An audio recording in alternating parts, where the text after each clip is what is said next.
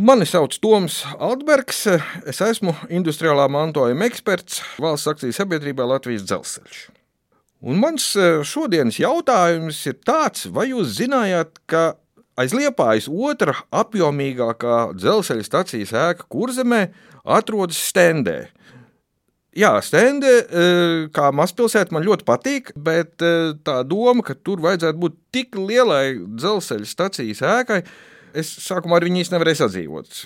Jo vilcieni uz Vēnspili tur brauc cauri. Kādreiz arī pieturēja pasažieru vilcienu, bet nu, to pasažieru pārāk daudz nebija. Jo uz tālsiem jau pirms 20, 30 gadiem brauc ar autobusu. Bet ir viens nopietns iemesls, kāpēc tieši stendē šī stacijas ēka ir tik liela, un šis iemesls ir saistīts ar mazbānīti. Tad, kad uzbūvēja Vēncpils dzelzceļu, nu, toreiz tas saucās Maskavas Vēncpils dzelzceļš pirms 120 gadiem, tad mazbānītis vēl nevienam varbūt pat nerādījās sapņos. Tā kā mūsdienās tas bija bizness, aizvest uz ostu pēc iespējas vairāk un pēc iespējas ātrāk. Un arī stācija tāpēc nebija talsos, ierīkota, bet stendē 12 km no talsiem.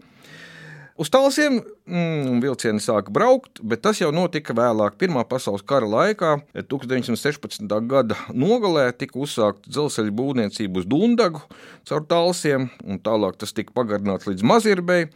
Par šo šausliežu dzelzceļu Vācijas okupācijas vāra izmantoja sākotnēji dažādiem mērķiem, arī to skaitā koku materiālu sagādāšanai, nosūtīšanai uz Vāciju, lauksaimniecības produkcijas izvešanai, bet bija arī tādi tīri militāri mērķi, un tie pamatā attiecas uz to dzelzceļa posmu, kas savieno Mazierbu ar Ventspili. Tur arī lielgabalu krastā tika uh, izvietoti, un, lai tos uz turieni vispār varētu aizvest, bija nepieciešams kaut kas Maziņš, bet dzelzceļš, e, jo tobrīd jau cita faktiski iespēja arī nekāda nebija.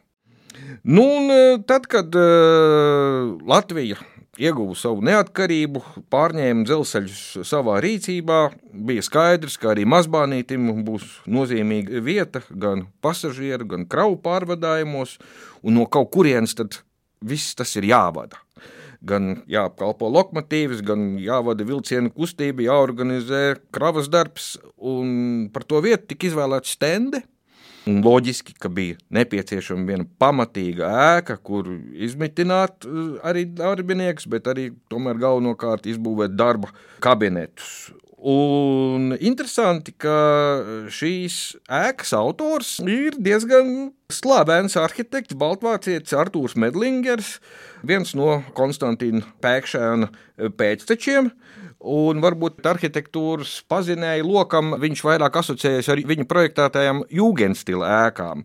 Viena tepat netālu no Doma laukuma atrodas bijusī Pareks eh, bankas ēka, Smilšu ielā 3 arī viesnīca Majori, kolonāde pie laimes pulksteņa. Tās ir Artūra Medlingera projektēts eh, celtnis. Un, uh, tieši tāpēc varbūt arī Stendes staciju, vairāk kā 1200 km2 plašo ēku, nevar uzskatīt par gluži parastu utilitāru celtni. Un arī šogad uh, tiks pievērsta uzmanība šai celtnei uh, Eiropas kultūras mantojuma dienu ietvaros. Tomēr mazliet skumji, ka šobrīd eh, mazbānītis vairāk nekursē un celtne kalpo tikai eh, platā dzelzceļa vajadzībām, un daļa no telpām eh, ir tukšas. Tad jādomā, kā šo ēku eksploatēt un izmantot turpmāk. Bet eh, kamēr mēs domājam, eh, viens maziņš interesants fakts par skatuvi, uz kuras arī šogad uzstāsies pašdarbnieki, to 1967. gadā stacijā ierīkoja kā sarkano stūrīti. Kaut gan faktiski tā ir tāda, tāda neliela un ļoti simpātiska zālīte.